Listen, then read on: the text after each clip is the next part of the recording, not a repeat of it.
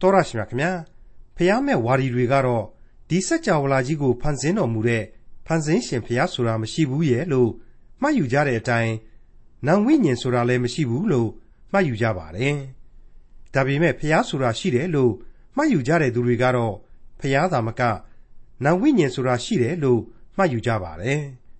ဖျားဆိုတာရှိတယ်လို့ဖျားကိုနှောက်ယှက်ဖျက်ဆီးဖို့အမြဲကြိုးစားနေတဲ့စာရမဏတ်ဆိုတာလည်းရှိတယ်လို့မှတ်ယူကြပါတယ်။ ဒါရင်မကဖျားရှင်နဲ့သူ့ရဲ့ကောင်းကင်တမန်တွေရှိသလိုစာရမဏတ်နဲ့သူ့ရဲ့နတ်ဆိုးတွေလည်းရှိတယ်လို့မှတ်ယူကြပါတယ်။ယေရှုခရစ်တော်ကိုမိမိရဲ့ကယ်တင်ပိုင်ရှင်သခင်ဖျားအဖြစ်လက်ခံယုံကြည်ကိုးကွယ်ကြတဲ့ခရိယန်တွေကတော့အဖခမည်းတော်ဖန်ဆင်းရှင်ထာဝရဘုရားနဲ့ကောင်းကင်တမန်တွေရှိတယ်လို့ယုံကြည်ကြပါတယ်။အဲ့ဒီကောင်းကင်တမန်တွေဟာဘယ်လိုပုံပန်းသဏ္ဍာန်မျိုးနဲ့ရှိနေကြပြီးဖျားရှင်ရဲ့အမိန့်တော်တွေကိုဘယ်လိုဆောင်ရွက်တယ်ဆိုတာဖော်ပြထားတဲ့ ခရိယန်တမန်ကျမ်းရဲ့ဓမ္မဟောင်းကျမ်းပိုင်းတွေကဟေရှာယအနာဂတ်ကျမ်းအခန်းကြီး6ကိုဒီကနေ့တင်ပြရတော့တမန်ကျမ်းအစီအစဉ်မှာလေ့လာမှာဖြစ်ပါတယ်။ကြားလျက်ပင်အ내ကိုနားမလဲမြင်လျက်ပင်အာယုံမပြုမျက်စိမမြင်နားမကြားစိတ်နှလုံးမသိအကျင့်မပြောင်းလဲအနာယောဂမငြိမ့်စေရတဲ့အထိဖြစ်ကြရတာဟာဘာကြောင့်ပါလဲဟေရှာယအနာဂတ်ကျမ်းအခန်းကြီး6ကိုဒေါက်တာထွန်းမြတ်ကြီးကအခုလိုသုံးသပ်လေ့လာတင်ပြထားပါတယ်။ တင်ပြရသောသမာကျမ်းရဲ့မိတ်ဆွေတော်တတ်ရှင်အပေါင်းတို့ခမညာဒီကနေ့ဒီအချိန်မှာတော့မိတ်ဆွေတို့ကျွန်တော်တို့အတူတကွလေ့လာနေတဲ့ဟေရှာယအနာဂတ်ကျမ်းဟာဒီအချိန်ကစပြီးတော့အခန်းကြီး6အားဖြင့်ဂန္ဓသစ်တစ်ခုကိုဖွင့်လှစ်သွားရပါတော့မယ်။မိတ်ဆွေအပေါင်းတို့အတိတ်သင်ခန်းစာတွေကိုပြန်ပြီးတော့ကြည့်လိုက်မယ်ဆိုရင်အခန်းကြီး1ဟာဘုရားသခင်ရဲ့လူမျိုးတော်ဣသရေလအပေါ်မှာအပြစ်တင်ဆွဲဆိုခြင်းများဖြစ်ခဲ့တယ်။အခန်းကြီး2ကစပြီးတော့အခန်းကြီး9အထိဟာခဲရင်ဆိုးရုပ်လှသောဒုက္ခခံစားရကာလ သို့မဟုတ်အနာဂတ်ကပ်ကာလအတွင်းမှာဒီဣသရေလလူမျိုးတော်တို့အနေနဲ့ခံယူရမယ့်အပြစ်ဒဏ်တွေနဲ့တကွာအဲ့ဒီကပ်ကာလအပြီးမှာဆက်လက်တည်ရှိမဲ့ကောင်းကင်နိုင်ငံတော်မှာဘယ်လိုကောင်းကြီးမင်္ဂလာတွေတည်ရှိနေလိမ့်အောင်မယ်ဆိုတာတွေ့ကိုကျွန်တော်တွေ့ကြုံခဲ့ကြရပြီးပြီဖြစ်ပါတယ်ဒီကနေ့ဒီအချိန်မှာတော့အခန်းကြီး6ဟာပြီးခဲ့တဲ့အနာဂတ်ကျမ်းများနဲ့မတူတမှုပုံစံပြောင်းသွားရလိမ့်မယ်လို့ကျွန်တော်နားလည်ထားဖို့ရန်ကြိုတင်တင်ပြလိုပါတယ် အသွင်ပြောင်းသွားသောကြမ်းတစ်ခုအဖြစ်စတင်လေ့လာကြည့်ကြတာပေါ့မိတ်ဆွေတို့အခုရောက်ရှိလာတဲ့အခန်းကြီး6ဟာအဓိကအချက်အနေနဲ့ဟေရှာယအားခန့်အပ်ခြင်းဆိုတဲ့ပရောဖက်တာဝန်များနဲ့ဟေရှာယဘယ်လိုတာဝန်ယူခဲ့ရတယ်ဆိုတာတွေ့ကိုတမိုင်းဖြစ်စဉ်တစ်ခုအဖြစ်စတင်ကြားနာသွားကြရမှာဖြစ်ပါတယ်မိษွေတို့ကိုကျွန်တော်တို့ဏ္ဍန်ပြိုးစဉ်ကလေးကပရောဖက်ကြီးဟေရှာယနဲ့တကွပရောဖက်အများစုတို့ဟာရှေ့တန်းကိုသိ ထွက်လိထွက်တာမရှိဘူးယေရမိနဲ့ဟောရှေတို့ကလွဲပြီးတော့သူတို့ရဲ့ဘဝဇတ်လန်းတွေကိုများများဆားဆားရှာလို့မတွေ့ရှိနိုင်ဘူးဆိုတာတွေကိုကျွန်တော်တို့ဖော်ပြခဲ့ပြီးပါပြီဒါတွေကိုလည်းမိษွေတို့အမှတ်ရကြမှာပါအခုဆိုရင်တော့အခန်းကြီး1ရဲ့ဇလန်နီဒန်အပြိုးမှာတွေ့ခဲ့ရပြီဖြစ်တဲ့ဩဇိယောသန်အာခတ်ဟေဇကိမင်းတို့လက်ထက်မှာပရောဖြစ်ခဲ့ပုံသူ့အဖေဟာအာမုတ်အမည်ရှိခဲ့ပုံတွေကိုဟေရှာယနဲ့ပတ်သက်လို့ကျွန်တော်တို့တွေ့ခဲ့ရပြီဖြစ်ပါတယ် အဲ့ဒီအကြောင်းလေးတွေလောက်ကိုသာဖော်ပြခဲ့သူဟေရှာယရဲ့တာဝန်ခန့်အပ်ခြင်းခံရပုံအကြောင်းတွေကိုတော့အခုအပိုင်းမှာကျွန်တော်တို့စတင်လေ့လာသွားကြရတော့မှာပါအချို့အချို့သောဓမ္မပညာရှင်တွေကတော့ဟေရှာယအနာဂတိကျမ်းရဲ့တကယ်အစနိဒန်းဟာအခန်းကြီး6သာဖြစ်တဲ့လို့မြင်ကြတာရှိပါတယ်။သမိုင်းအမြင်ယုတ်တိဗေဒအမြင်တွေနဲ့ပြောရမယ်ဆိုရင်လေဒါဟာအတော်ဖြစ်သင့်ဖြစ်တတ်တဲ့ကိစ္စပဲလို့ကျွန်တော်ဆိုချင်ပါတယ်။ ဒါပေမဲ့ကျွန်တော်တို့ကဖြစ်သင့်တယ်ဆိုတိုင်းဒီပြင့်နေရာမှာသာဖြစ်ချင်းဖြစ်မှာနော်။နှုတ်ကပတ်တော်ကတော့ကိုယ့်အမြင်နဲ့ကိုယ်ရှောက်လို့လို့မရဘူး။ဒါကြောင့်မလို့ဘုရားသခင်စီရင်တော်မူသည့်အတိုင်းသားလျှင်သူ့ဖာသာသူနေရာတကျထားပြီးတော့လိလာသွားကြမှာဖြစ်တဲ့အကြောင်းကျွန်တော်ခံယူကြရမှာပါ။ကောင်းပါပြီမိတ်ဆွေအပေါင်းတို့ဟေရှာယအနာဂတိကျမ်းအခန်းကြီး6ကိုအခုလိုစတင်ကြည့်ကြပါစို့။ဩဇိမင်းကြီးအနိစ္စရောက်သောနှစ်တွင် ထာဝရဘုရားသည် အလွန်မြင့်မြတ်သော ပလင်ပေါ်မှထိုင်တော်မူသည်ကို ငါမြင်၏။အဝတ်တော်တစားသည် ဗိမာန်တော်ကို ဖြည့်လေ၏တဲ့။ဒါကတော့ ဟေရှာယအနာဂတိကျမ်း အခန်းကြီး 6 ရဲ့ အငယ်1ပဲ ဖြစ်ကြောင်းပါ။အချိန်ကာလအဖြစ်ဩဇိမင်းသေတဲ့နှစ်မှာ ဖြစ်ပါတယ်တဲ့။အဲ့ဒီလို ဖော်ပြပေးလိုက်ပါတယ်။ဒီဩဇိမင်းဆရာဟာ ဘုရားသခင်ကို ကြောက်ရွံ့ယိုသေးတဲ့ မင်းကောင်းမင်းမြတ်တစ်ပါး ဖြစ်တယ်ဆိုတာကို ဓမ္မသမိုင်းမှာ ကျွန်တော်တို့ တွေ့နိုင်ပါတယ် အသက်အရွယ်16နှစ်ခန့်ကစတင်ပြီးတော့နောက်ထပ်နှစ်ပေါင်း52နှစ်တိုင်အောင်သူဟာဘယင်အဖြစ်ဣသရေလနိုင်ငံမှာအုပ်ချုပ်ခဲ့တယ်ယူဒတိုင်းရဲ့ဘယင်ဖြစ်ခဲ့တယ်ဩဩဇိမင်းရဲ့လက်ထက်မှာစစ်အင်အားကိုလည်းအလွန်ကြီးမားစွာတည်ဆောက်နိုင်ခဲ့တယ်လက်နက်အသစ်တွေကိုတီထွင်ခဲ့တယ်သူခေတ်သူ့ရဲ့ယူဒတပ်မတော်မှာလူအင်အား3သိန်း9500ရှိခဲ့တယ်ဆိုတာတွေကိုကျွန်တော်ဟာရာဇဝင်ကျုပ်တွေမှာလေးလာတွေ့ရှိခဲ့ရပြီးပြီဆိုတာကိုမိတ်ဆွေတို့မှတ်မိကြမှာပါမိတ်ဆွေ ကျွန်တော်တခါပြောခဲ့ဘူးတဲ့အတိုင်းပါပဲနော်အခုအစ္စရေးနိုင်ငံကထုတ်လုပ်နေတဲ့ဦးစီးဆိုတဲ့တနတ်ဟာအဲ့ဒီအောစီဘရင်ကိုဂုံပြုတ်မှဲ့ခေါ်တဲ့သနှတ်လို့ကျွန်တော်ယူဆနိုင်စရာအကြောင်းရှိပါတယ်ဘယ်လိုပဲပြောပြောပါအဖဖျားသခင်ကိုချစ်ကြောက်ယူသေးသောမင်းတပါအဖဖျားသခင်ကလည်းကောင်းကြီးမင်္ဂလာတွေမြောက်များစွာပေးခဲ့သောဘရင်တပါပဲဆိုတဲ့ကြားတွေကပဲအဲ့ဒီအောစီနဲ့သက်ဆိုင်တဲ့အမဲဆက်ကြီးတွေဟာ ဘယ်လိုရှိခဲ့ဘူးပါကြောင်းကိုလေမမေ့နိုင်ဖို့ရန်ကျွန်တော်အနေနဲ့အခုအပိုင်းမှာဖော်ပြခြင်းပါတယ်ဟုတ်ပါတယ်ရာဇဝင်ကျုပ်ဒုတိယစာဆောင်အခန်းကြီး26အငယ်16ကနေ21အတွင်းကိုပြန်ပြီးတော့ကြည့်စီခြင်းပါတယ်အောဇိမင်းသည်တကိုးကြီးသောအခါကိုအကျိုးနဲ့အောင်ထောင်လွှားသောစိတ်ထသဖြင့်မိမိဖျားသခင်ထာဝရဘုရားကိုပြစ်မှား၍နတ်သားပေါင်းကိုမိရှုရရစ်ပလင်ပေါ်မှနတ်သားပေါင်းကိုမိရှုခြင်းဟာထာဝရဘုရား၏ဗိမှန်တော်တဲ့သို့ဝင်လေ၏ ယစ်ပရောဟိတ်အာဇရိသည်ရဲရင်ချင်းတတ္တိရှိသောထာဝရဘုရား၏အမှုတော်တန်ယစ်ပရောဟိတ်ရှစ်ကျိတ်တို့နှင့်တကွရှင်ဘရင်ဩဇိနောက်တော်သို့လိုက်၍စီးတာသဖြင့်အိုးဩဇိမင်းကိုတော်သည်ထာဝရဘုရားအနန္တပေါင်းကိုမိရှို့ခြင်းအမှုနှင့်မဆိုင်ပါနန္တပေါင်းကိုမိရှို့စေခြင်းဟာခန့်ထားသောအာယုန်သားယစ်ပရောဟိတ်တို့သာထိုအမှုနှင့်ဆိုင်ကြပါ၏တန်ရှင်းရဌာနတဲကထွက်သွားလော့ ကိုတော်သည်ပြစ်မှားပြီထာဝရအရှင်ဘုရားသခင်ရှေ့တော်၌ကိုတော်အသရေပြက်လိမ့်မည်ဟုဆိုကြလျင်ဩဇိမင်းသည်ဒေါသစိတ်ရှိ၍နတ်သားပေါင်းကိုမိရှုခြင်းဟာလင်ပန်းကိုကိုင်းလျက်ယစ်ပရောဟိတ်တို့ကိုအမျက်ထွက်လျင်ဗိမာန်တော်တွင်နတ်သားပေါင်းကိုမိရှုရာယစ်ပလင်ဤအနာယစ်ပရောဟိတ်တို့ရှေ့မှနူနာသည်ရှင်ဘရင်နဖူး၌ပေါ်လေ၏တဲ့ကြားတဲ့အတိုင်းပါပဲနော်အဖဖျားသခင်ရှေ့တော်မှောက်မှာမိရှုရာနတ်သားပေါင်းကိုသူစီရင်ပိုင်ခွင့်မရှိဘူး အဲ့ဒါကိုသွားပြီးတော့နတ်သားပေါင်းနဲ့ပူဇော်ခြင်းတယ်တဲ့ရစ်ပရောဟိတ်တွေကသွားတာတော့သူကတောင်မှဒေါသတကြီးနဲ့ပြန်ပြီးတော့ကြိမ်မောင်းပြီးတော့အတင်းမဲ့သွားပြီးတော့ပူဇော်တဲ့အချိန်အဲ့ဒီရစ်ပလင်ရှေ့တဲ့တယ်မှာပဲတခါတည်းနူနာဆွဲပါလေရောတယ်တခါအဲ့ဒီကျမ်းမှာဆက်လက်ဖော်ပြထားတာရှိပါသေးတယ်ယစ်ပရောဟိတ်မင်းနှင့်ယစ်ပရောဟိတ်အပေါင်းတို့သည်ကြည့်ရှု၍နဖူးတော်၌နူနာဆွဲသည်ကိုမြင်လျင်ရှင်ဘရင်ကိုအပြင်သို့နှင်ထုတ်ကြ၏ရှင်ဘရင်ကိုယ်တိုင်လည်းထာဝရဘုရားဒဏ်ခတ်တော်မူသောကြောင့်အလျင်အမြန်ထွက်လေ၏ ထိုသို့ဩဇိမင်းကြီးသည်သေသည်တိုင်အောင်နူနာဆွဲ၍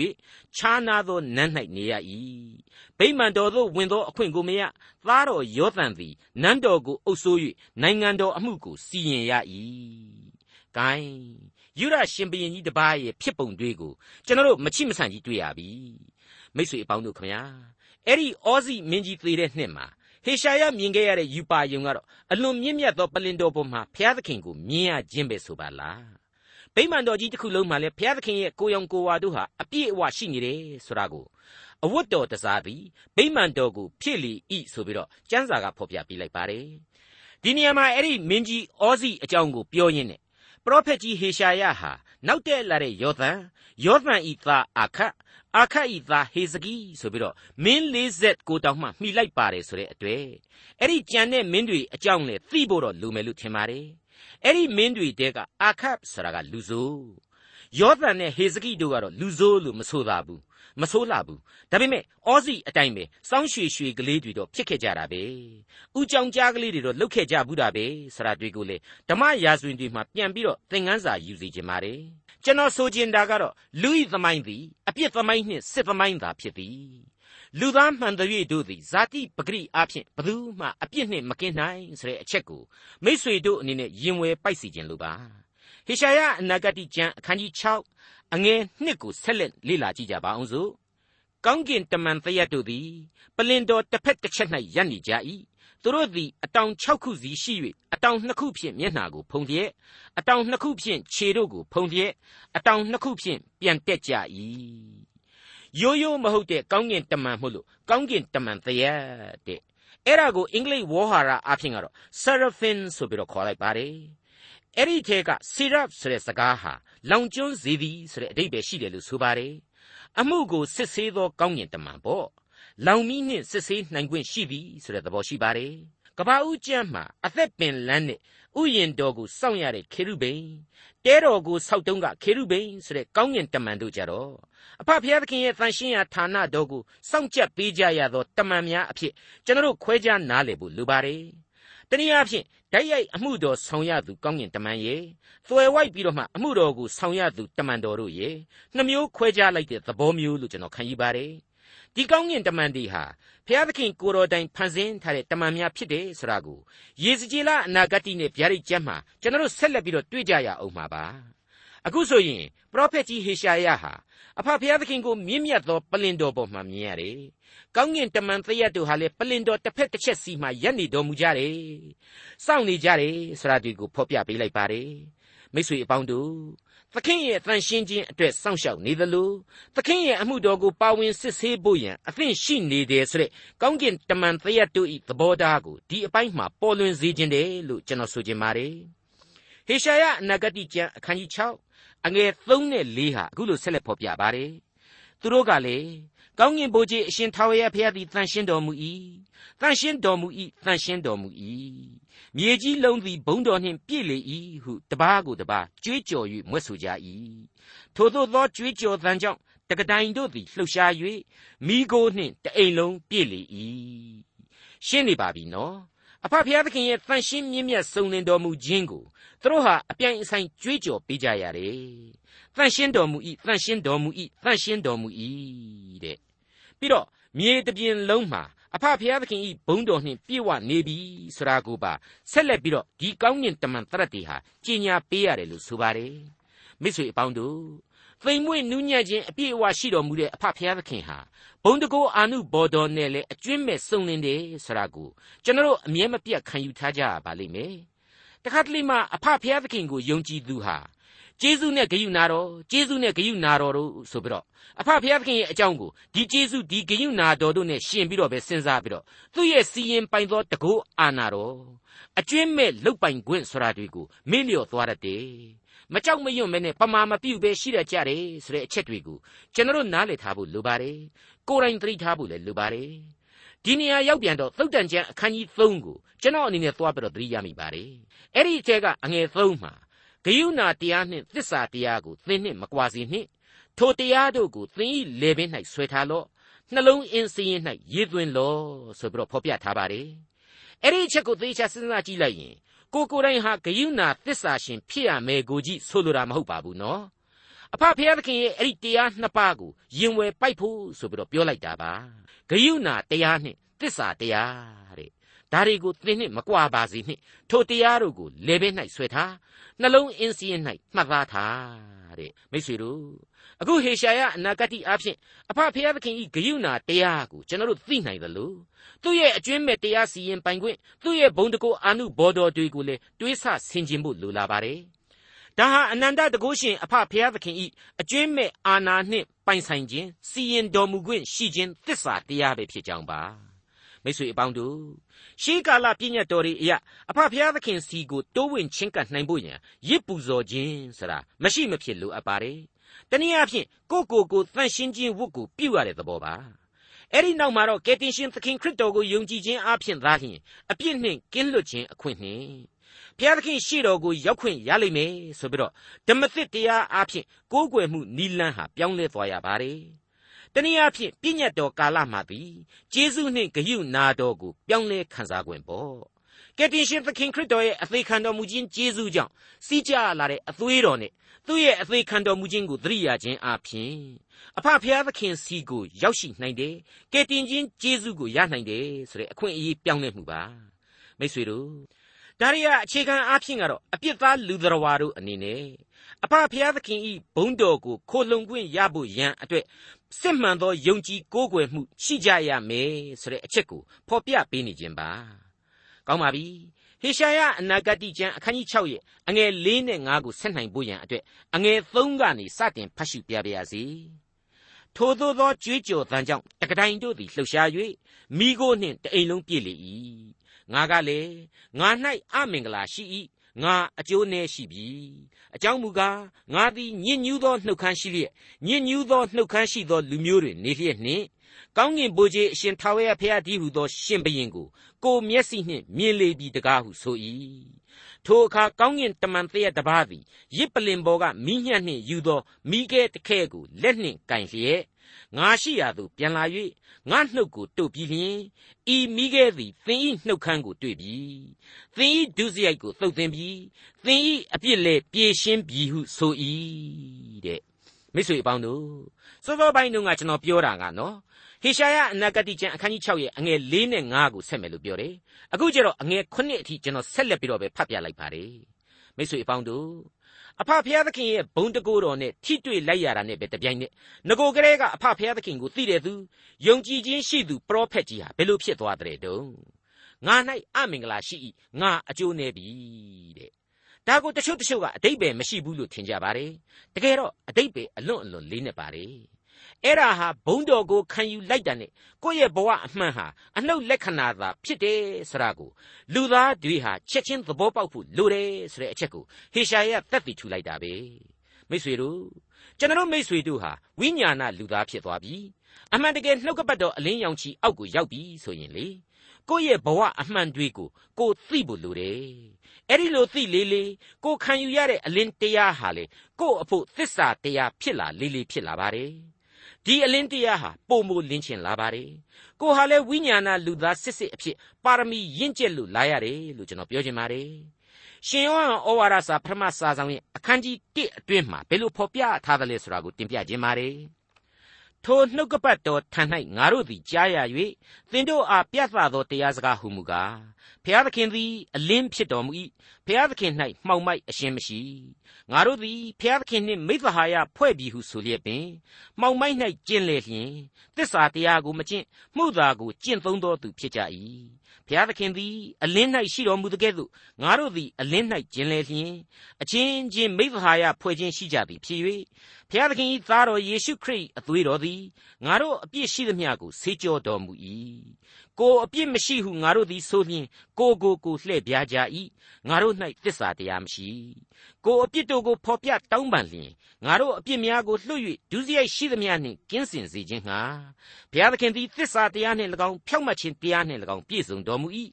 ဒုစရိုက်ကိုမပြုပြီဟုငါတို့သည်ဆိုလျင်ဘုရားသခင်ကိုမှုသာအပြစ်တင်ကြ၏နှုတ်ကပတ်တော်လဲငါတို့၌မရှိတဲ့ မိတ်ဆွေအပေါင်းတို့ယောဘဝတ္ထုတဲမှာဘယ်လိုဖော်ပြခဲ့တယ်ဆိုတာကိုမိတ်ဆွေတို့မှတ်မိကြမှာပါအဲ့ဒီသဘောတရားအတိုင်းပါပဲနော်ဖျားသခင်ရဲ့သစ္စာတရားကိုယောဘတယောက်ထိတွေ့ရတဲ့အချိန်ဖျားသခင်ရဲ့အလင်းတရားကိုမြင်ရတဲ့အချိန်ယောဘဘယ်လိုဝန်ခံခဲ့သလဲဆိုတာကိုအခန်းကြီး42ထဲမှာယောဘဝတ္ထုအခန်းကြီး42ရဲ့အငယ်9နဲ့6မှာအခုလိုပြန်ပြီးတွေ့နိုင်ပါတယ်။သတင်းတော်ကိုအကျွန်ုပ်သည်ကြားနှင့်ဘူးပါပြီ။ ယခုမူကားကိုတော်ကိုမျက်စိနှင့်မြင်ရပါ၏ထို့ကြောင့်အကျွန်ုပ်သည်ကိုကိုကိုယွန်ရှာပါ၏မြေမှုန့်နှင့်မိဖို့ပြာ၌ထိုင်၍နောင်တရပါ၏ဟုလျှောက်လေ၏တဲ့မရှင်းဘူးလားအဖဖျားသခင်ကိုသိလေလေကိုဟာအပြစ်သားတစ်ယောက်ဖြစ်ကြောင်းကိုနားလေခွင့်ရရှိလေလေပါပဲ ဒီတိုင်းပါပဲမိတ်ဆွေတို့ဒံယေလဟာလည်းဘယ်လိုခံစားခဲ့ရသေးတယ်ဆိုတာကိုဒံယေလအနာဂတိကျမ်းအခန်းကြီး30အငယ်9မှ10အတွင်းမှာအခုလိုဖော်ပြထားတာကိုတွေ့နိုင်ပါတယ်ထိုဗျာဒိတ်ယူပါယုံကိုငါဒံယေလတယောက်ကြီးမြင်ရ၏ငါနှင့်အတူပါသောလူတို့သည်မမြင်ရကြသူတို့သည်အလွန်ကြောက်ရွံ့တုန်လှုပ်ခြင်းသို့ရောက်သည်ဖြင့်ပုန်းရှောင်၍နေခြင်းငှာပြေးကြ၏ငါမူကားတယောက်တည်းနေရ၍ထိုကြီးစွာသောယူပါယုံကိုမြင်ရလျင်ခွန်အားလျော့၍မျက်နှာပြက်လျက် ကို၌အစွန်းတတ္တိအရှင်းမရှိဖြစ်လေ၏တို့ရတွင် ထိုသူ၏စကားသံကိုငါကြား၏ကြားသောအခါမြေပေါ်မှပြတ်ဝတ်၍မိန်မောတွေ့ဝေလျက်နေ၏ထိုအခါလက်တစ်ဖက်သည်ငါကိုကြွား၍ငါသည်ဒူးနှင့်လက်ဝါးဖြင့်ထောက်လျက်နေရ၏သူကလည်းအလွန်ချစ်အပ်သောသူဒံယေလာငါစကားကိုနားလေအံ့သောငါမတ်တက်နေလော့သင်ရှိရာသို့ငါကိုဆေလွတ်တော်မူ၍ယခုငါလာပြီဟုဆိုလျင်ငါသည်တုန်လှုပ်လျက်မတ်တက်နေ၏ ရှင်းပါပြီနော်ဒံယေလဟာအဖဖခင်သခင်ရဲ့ဘုံတကိုးအာနာတော်နဲ့ဆေလွတ်ခြင်းခံရတဲ့တမန်ကိုတွေ့ရတဲ့အချိန်ရက်တောင်မှမရက်ဝံဘူးတုတ်တုတ်မှမလှုံ့ဝံဘူးတခါတည်းမြေကြီးပေါ်မှာပုံပုံလေးလဲနေလို့ဟိုကပြန်ပြီးတော့အားပေးယူရတယ်မင်းမတက်ရတဲ့မိတ်ဆွေတို့တကယ်တကယ်တော့အဖဖခင်သခင်ကိုလူသားတို့ဟာရုတ်တရက်နဲ့မြင်ဖို့တော့ဘယ်လို့မှမဖြစ်နိုင်ပါဘူးအခုဟေရှာယအနာဂတိကဟေရှာယမြင်တွေ့ရတယ်ဆိုတာဟာလေတကယ်တော့အဖဤ ဖျားပဂရိရုပ်ဝါနဲ့မဖြစ်နိုင်အဖဖျားသခင်ကိုစားပြုသောဘုံတော်နှင့်ယုံတရက်တစ်ခုခုဖြစ်ရလိမ့်မယ်အဲ့ဒီလိုကျွန်တော်တို့သဘောပေါက်ဖို့လိုပါတယ်ဒါပေမဲ့နော်အဖဖျားသခင်ကိုမြင်ဖို့ဘယ်လို့မှမဖြစ်နိုင်တဲ့လူသားနှလုံးသားစိတ်ဝိညာဉ်အဖြစ်အဖကိုရှာဖွေကြည့်ဖို့လိုလိမ့်မယ်ရှေးသန့်ရှင်းသူတို့လိုပဲမြင်တွေ့ခံစားကြရမှာလေအသေးချာပဲဖြစ်တယ်ကိုယ်တိုင်ဟာလည်းဝိညာဉ်ခွန်အားတွေကိုအံ့ဩဖွယ်ခံစားကြရမှာအသေးချာဖြစ်တယ်လို့ကျွန်တော်တိုက်တွန်းအားပေးခြင်းပါတယ် ဟေရှာယအနာဂတိကျမ်းအခန်းကြီး6အငယ်6နဲ့9ထိုအခါကောင်းကင်တမန်သရတပါးသည်ရစ်ပလင်ပေါ်ကမိညက်ဖြင့်ယူသောမိခဲတခဲကိုလက်နှင့်ကင်လျက်ငါရှိရာသို့ပြန်လာ၍ငါနှုတ်ကိုတို့ပြီးလျင်ဤမိခဲသည်သင်၏နှုတ်ခမ်းနှင့်တွေ့ပြီးသင်၏ဒုစရိုက်ကိုသုတ်သင်ပြီးသင်၏အပြစ်လည်းပြေရှင်းပြီတဲ့ကောင်းလိုက်ပါပြီတော့ အဖဖျားသခင်ရဲ့ဘုန်းတော်ကိုမြင်တွေ့ခံစားရတဲ့အချိန်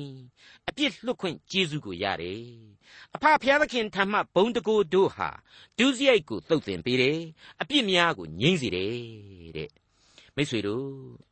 ဒါဟာတကယ်တော့ကယ်တင်ရှင်သခင်ခရစ်တော်အားဖြင့်ကျွန်တော်တို့ကိုအပြစ်ဖြေရှင်းတဲ့သဘောနဲ့တတ်ထက်သေးကြနေပါပြီ ကားရိုင်တော်ဆိုတဲ့ရစ်ပလင်ဘောကကယ်တင်ရှင်ရဲ့အသွေးတော်ဟာကျွန်တော်မိတ်ဆွေတို့ကိုအပြစ်ဖြေရှင်းပေးတယ်ခွန်အားနဲ့ပတ်ရပေးတယ်ကယ်တင်ရှင်ကျေးဇူးကိုပြုတယ်ဆိုတာကိုချက်ချင်းအောက်မေ့သတိရစေပါတယ်မှန်ပါတယ်မိတ်ဆွေတို့ဗတ္တိဇံဆရာယောဟန်ကနေပြီးတော့ခရစ်တော်ကိုထောမနာပြုရင်ဘယ်လိုပြောခဲ့တယ်လဲဆိုတော့ဤလောကဤအပြစ်ကိုဆောင်းသွားသောသိုးတငယ်တဲ့မရှင်းဘူးလားဟေရှာယအနာဂတိကျမ်းအခန်းကြီး6အငယ်8မှ10 တပံထာဝရဘုရားကငါသည်အဘယ်သူကိုဆေးလွှတ်ရမည်နည်းငါတို့အဖို့အဘယ်သူသွားမည်နည်းဟုမေးတော်မူသံကိုငါကြားလျင်ငါကအကျွန်ုပ်ရှိပါ၏အကျွန်ုပ်ကိုဆေးလွှတ်တော်မူပါဟုလျှောက်လေ၏ထာဝရဘုရားကလည်းထိုလူမျိုးရှိရာသို့သွားပြီးလျင်သင်တို့သည်ကြားလျက်ပင်အ내ကိုနားမလဲပဲကြားကြလိမ့်မည်မြင်လျက်ပင်အာယုံမပြုတ်ပဲမြင်ကြလိမ့်မည်ဟုပြောလော့ သူတို့မျက်စိမမြင်နားမကြားစိတ်နှလုံးမသိအကျင့်မပြောင်းလဲသူတို့အနာယောဂါကိုငါမငြိမ့်စေရသည်တိုင်အောင်သူတို့စိတ်နှလုံးကိုမိုက်စေလော့သူတို့နားကိုလည်းထိုင်းစေလော့သူတို့မျက်စိကိုလည်းပိတ်လော့ဟုမိန့်တော်မူ၏ပြစ်တရားရဲ့အလျောက်ဝန်ခံခြင်းရဲ့နောက်ပိုင်းမှာတော့တန်ရှင်းခြင်းအခွင့်ကိုဟေရှာယခံစားခဲ့ရတယ်အဲ့ဒီနောက်မှာတော့အဖဖျားသခင်စေစားတဲ့အတိုင်းပဲတာဝန်ကိုထမ်းရွက်ခြင်းဆိုတာကိုပါဆက်ပြီးတွေ့ရပြန်ပါပြီ အဲ့ဒီအပိုင်းတွေကထိုလူမျိုးရှိရာကိုမင်းသွားပြီးတော့မင်းတို့လူမျိုးတော်ဟာကြားသည့်တိုင်အောင်နားမလဲခဲ့နားမလဲခဲ့တော့လေကြားကြတယ်တခါမြင်လျက်ပင်လျင်အာယုံမပြုတ်သို့တော်လည်းပဲမြင်ကြလိမ့်မယ်ဆိုပြီးတော့ပြောပါတဲ့မိတ်ဆွေတို့ ဒီအချက်ဟာအဲ့ဒီဟေရှာယအချိန်ကာလမှာပင်လျင်ဣသရေလလူမျိုးတော်တို့ကိုကြိုတင်သတိပေးရင်းနဲ့လောလောဆယ်လူမျိုးတော်ကိုအပြစ်တင်ဖို့တင်းကျပ်စွာသတိပေးဖို့အမှားဆင့်လိုက်တဲ့တာဝန်ကိုဟေရှာယယူရလိမ့်မယ်ဆိုတာကိုထင်ရှားစေပါတယ်ဒီအချက်အပြင်ဒီအနာဂတ်ကျမ်းဟာအနန္တကာလဆိုတဲ့အနာဂတ်အဝေးကြီးကကတ်ကာလတရက်စီကိုဥတီရည်ညွှန်းတယ်လို့မကြခင်ရောက်လာလက်တံသောတိုင်းပြည်ရဲ့ကံကြမ္မာဇိုးကြီးတွေကိုပါသတိပြုမိစေဖို့ဆိုတာဟာရှင်းနေပြီဖြစ်ပါတယ်။ တနည်းအားဖြင့်ကတော့သိတတ်မြင်တတ်ကြားတတ်မယ်ဆိုရင်အလွန်အလွန်အရေးကြီးတဲ့ဗျာဒိတ်တော်တွေကြီးပဲဖြစ်တယ်။ဘာပဲပြောပြောဣသရေလလူမျိုးတို့ဟာကြားတတ်မှာမဟုတ်မြင်တတ်မှာလည်းမဟုတ်ဘူးဆိုတာကိုပါထည့်ပြီးတော့ပြောခိုင်းပါတယ်တဲ့။မိတ်ဆွေတို့ဒါဟာလည်းသစ္စာတရားပါ။တမင်ထဲ့ပြီးတော့ပြောလိုက်ခြင်းပါအဲ့ဒီလိုပြောလိုက်ခြင်းအပြင်ဘင်းလျင်လူမျိုးတော်ဟာပို့ပြီးတော့အာယုံဆိုင်လာလိမ့်မယ် အလေးနဲ့ပြုတ်လာလိမ့်မယ်ဆိုတဲ့အဖအီအကြံတော်ပါဝင်နေလိမ့်မယ်လို့ကျွန်တော်ဆိုချင်ပါတယ်အမှတ်တမဲ့ဆိုရင်တော့နော် အဖဖျားသခင်ဟာအတိတ်ထွတ်မြောက်ရာကြမ်းတဲကလိုပဲအေဂုတ်ထုရှင်ဘရင်ရဲ့စိတ်နှလုံးကိုခိုင်မာစေတယ်ဆိုတာနဲ့ပတ်သက်ပြီးတော့ဖျားသခင်ကိုယ်တိုင်ကပဲတမင်လူသားတွေကိုမျက်စိပိတ်စေရသလားနားပိတ်စေရသလားစိတ်နှလုံးတွေကိုမိုက်မဲစေရသလားဆိုပြီးတော့တွေးကြလိမ့်မယ်လို့ကျွန်တော်ထင်ပါတယ်။ဘာဖြစ်လဲဆိုတော့ကျမ်းမာကိုကဖော်ပြထားပြီးပြီလေ။သူတို့မျက်စိမမြင်နားမကြားစိတ်နှလုံးမသိအကျင့်မပြောင်းလေသူတို့အနာယောဂကိုငါမငြိမ့်စေရသည်တိုင်အောင်သူတို့စိတ်နှလုံးကိုမိုက်စေလော့ သူတို့နားကိုလည်းထိုင်းစေလော့သူတို့မျက်စိကိုလည်းပိတ်လော့လို့ဆိုထားတယ်မဟုတ်ဘူးလားမိษွေအပေါင်းတို့အမှန်တရားကတော့လူမျိုးတော်ရဲ့ခိုင်မာလက်စာနှလုံးသားမမြင်နိုင်မကြားနိုင်ဖြစ်နေတဲ့မိုက်မဲခြင်းအပြစ်တွေဟာဘလောက်ကြီးရင်နေပြီနှက်ဆိုင်နေပြီဆိုတာကိုအဲ့ဒီလိုပြောတဲ့နီးအဖြစ်ပို့ပြီးတော့နားလေသိကျွမ်းအောင်လုပ်တယ်ဆိုတာဟာရှင်းနေပါတယ်မင်းတို့ကွာဒီလိုဒီလိုလုပ်ဖို့တော့ဘယ်ကောင်းမလို့အဖဖခင်ကကျေးဇူးတော်တွေအများကြီးရစ်ပတ်ပေးခဲ့တာပဲကွာ အဖဖျားသခင်စကားကိုပြန်ပြီးတော့နားထောင်ကြကွာဖျားသခင်ကမင်းတို့ရဲ့အပြစ်တွေကိုလှုပ်မလို့စောင့်နေတယ်ကွာဆိုပြီးတော့မပြောစီဘူးပြောလို့မရမှန်းကိုအဖဖျားသခင်သိတော်မူတယ်အံ့ဩဖို့မကောင်းဘူးလားမင်းတို့ဣသရေလနော် ခုလောက်ထိအန္တရာယ်တွေဒုက္ခတွေဟာပတ်ဝန်းကျင်မှာပြင်းထန်နေပြီတိုင်းပြည်နဘေးနဘီမှာလေနေချက်တွေဟာအနာကပ်ပြီးတော့ချင်းချောက်နေပြီမင်းတို့ဟာအ내အတိတ်ပဲတွေကိုမြင်လျက်ကြားလျက်နဲ့မသိဘူးအဲ့ဒီတော့ဒီလောက်အထိမသိသားဆိုးရွားနေတဲ့မင်းတို့အနေနဲ့ဆက်ပြီးတော့သာကြောင်တောင်ကန်းလုံနေကြပြီတော့ဆိုပြီးတော့ရွဲ့ပြီးတော့ပြောခိုင်းလိုက်တဲ့သဘောပဲ မိတ်ဆွေအပေါင်းတို့အဖဖျားသခင်ဤနှုတ်ကပတ်တော်ဆိုတာဟာနော်အလွန်အလွန်နက်နဲသောအတိတ်ပဲရှိတယ်ဝိညာဉ်မျက်စိနဲ့သာလျှင်ကျွန်တော်တို့ကြည့်ပြီးတော့အတိတ်ပဲဖော်နိုင်လိမ့်မယ်လို့ကျွန်တော်ဒီအပိုင်းမှာသတိပေးခြင်းပါတယ်ကြောက်မီးသွေးတွင်းကြီးတစ်ခုမှာပောက်ကွဲမှုကြီးတစ်ခါကဖြစ်ပြီးတော့ပြိုကျတဲ့အချိန်အလုသမားတွေဟာတွင်းထဲမှာပိတ်မိကုန်ကြပါတယ်ငါးရက်လောက်အကြာမှာပြန်လေတူးဖော်ကယ်ဆယ်ရေးတွေလုပ်တဲ့အချိန်တွင်းထဲမှာအမှောင်ကြီးကျပြီးပိတ်ဆို့နေတဲ့အလုသမားတွေအကုန်လုံးဟာ အဲ့ဒီပြင်စမနေ့မှာပထမဦးဆုံးအချိန်အဖြစ်အလင်းကိုပြန်ပြီးမြင်ရတဲ့အချိန်အလုသမားတွေကနှစ်ယောက်သုံးယောက်လောက်ကအဲ့ဒီအလင်းကိုမမြင်မဲနဲ့မီးမရှိဘူးမီးဖွင့်ပေးပါမီးဖွင့်ပေးပါဆိုပြီးတော့ဆက်ပြီးတော့អော်နေတယ်တဲ့အဲ့ဒါနဲ့ပဲသူတို့ကိုသေချာစစ်ဆေးကြည့်လိုက်တော့မှသူတို့ဟာပောက်ကွဲမှုကြီးပြင်းထန်လွန်အားကြီးတာကြောင့်ကန့်သွားခဲ့ပြီဆိုတာကိုသိရပါတော့တယ်တဲ့မိတ်ဆွေတို့ရင်နာစရာမကောင်းဘူးလားနော်သူများတွေအတွက်အလင်းဟာအတိတ်ပဲရှိတယ်